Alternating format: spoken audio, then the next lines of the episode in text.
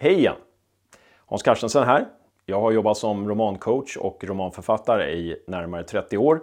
Nu ska jag komma med lite råd och tips här. För att du inte ska missa någonting så tycker jag att du ska prenumerera. Tryck på den där rödvita knappen subscribe här nere. Idag ska vi fortsätta prata om storyn. Hur får man till huvudhandlingen? Jo, man använder en sidohandling. Följ med nu.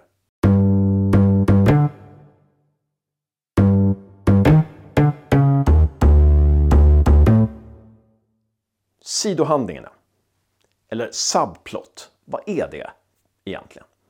Låt oss säga så här. Du har säkert skrivit en roman eller påbörjat en roman eller du står inför att påbörja en roman och du tycker att du har en bra idé. Men du tänker samtidigt så här, men hur ska jag kunna skriva 200-300 sidor om det här, även om det är en bra idé? Då är lösningen sidohandling. Sidohandlingen, den tar huvudhandlingen på avvägar, sidovägar, i svängar och sätter upp lite hinder och lite nya möten på vägen.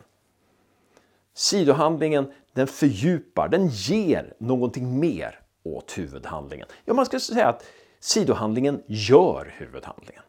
För att förklara lite mer av vad sidohandling och huvudhandling är så kan vi börja med att skilja på långa sidohandlingar och korta sidohandlingar. En kort sidohandling, det skulle kunna vara att Jerry går till ICA för att handla och när han har handlat klart så ska han betala i kassan och då sitter Bengt där. Bengt som mobbade Jerry när de gick i grundskolan. Jerry tänker då att eh, ja, han var mobbare då men han verkar ha utvecklats nu och jag har ju kommit någon vart så även om han är en slusk så klarar jag mig undan.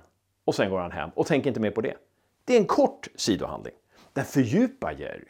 Den gör ju någonting. Vi får veta mycket om hans bakland, hans backstory och sådär. Men det är ändå en kort sidohandling som inte återkommer.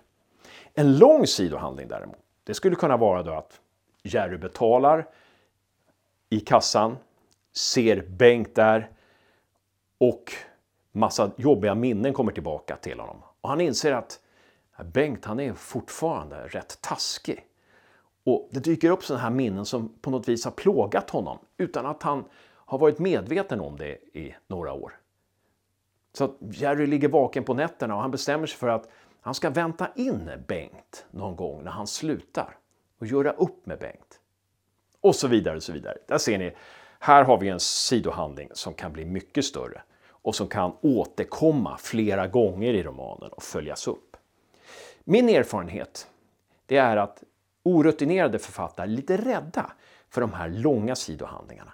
Man är rädd att hamna på snedspår eller felspår eller vad vi ska säga och, och, och ja, avsluta dem ganska snabbt. Men var inte rädda.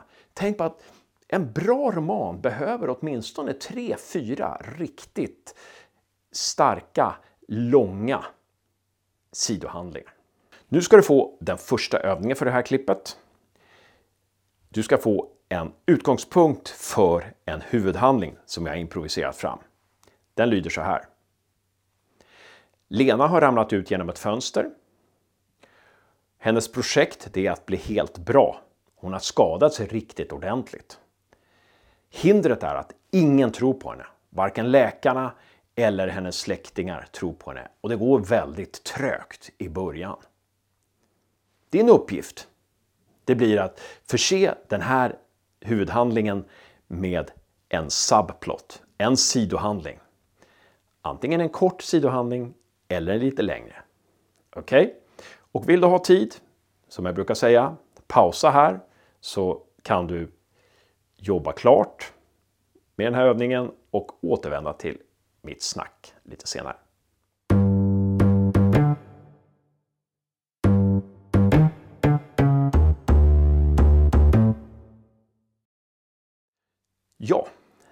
Vi pratat om den långa sidohandlingen och den korta sidohandlingen. Där vi pratar om de två olika formaten kan vi säga av sidohandlingar. Nu ska vi prata om två olika sorters sidohandlingar som är olika på det viset att de är psykologiskt olika. Och då pratar jag om den fördjupande sidohandlingen eller den sidohandling som skapar motstånd. Vi säger så här att i en liten ort så har det skett en kidnappning. En privatperson tycker sig ha fått upp något spår av kidnapparen. När hon har fått upp det här spåret så sätter hon sig i bilen för att åka iväg. Då blir det broöppning. Så hon blir sittande där. Det är en sidohandling som skapar motstånd. Det behöver inte hända någonting mer. Det enda den gör är att den stannar upp handlingen lite. Ibland när man gör en sån här sidohandling som skapar motstånd så kan den kännas lite skriven. Så man får passa sig för det där. Det måste vara en sidohandling som skapar motstånd på ett realistiskt sätt på något vis. Eh, det kan, därför kan det vara bra att om den här broöppningen ska ske, att man har planterat bron lite tidigare i berättelsen. Så att den inte bara dyker upp där, bara för att författaren behöver den. Okej, okay, det var sidohandlingen som skapar motstånd. Nu ska vi gå in i sidohandlingen som är lite mer fördjupande. Den fördjupande sidohandlingen, låt oss använda oss av samma huvudhandling här. En kidnappning, en privatperson som vill lösa det hela. Här skulle man kunna tänka sig en sidohandling där privatpersonens dotter helt plötsligt berättar att hon, när hon var 14 år, så kidnappade hon en kompis i skolan under några timmar. Kanske hon kidnappade någon i de yngre klasserna. Och det här blir ju lite omskakande för protagonisten. Hon får reda på mer om sin dotter. Men det kan ju också på något vis, den psykologin, de kanske ska prata om det, så att den psykologin där, det som dottern lärde sig där, kanske hjälper privatpersonen att lösa det här fallet, att hitta kidnapparen. Vem vet? Men det som ni förstår, den här fördjupande sidohandlingen har ju gett oss någonting mer om den här protagonisten och hennes förhållande till dottern och så vidare. Och eh, har ju lagt någonting mer, en psykologisk eh, hinna över huvudhandlingen. Ja, nu ska du få göra den andra övningen för det här klippet. Och du får den här huvudhandlingen. Emmy ska börja skolan, men hon är väldigt nervös. Mm, det är huvudhandlingen.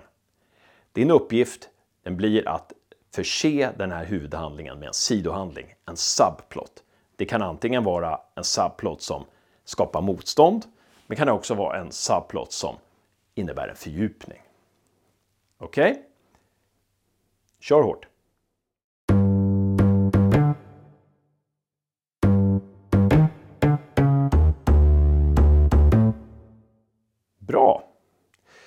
Då har vi pratat om subplotten idag.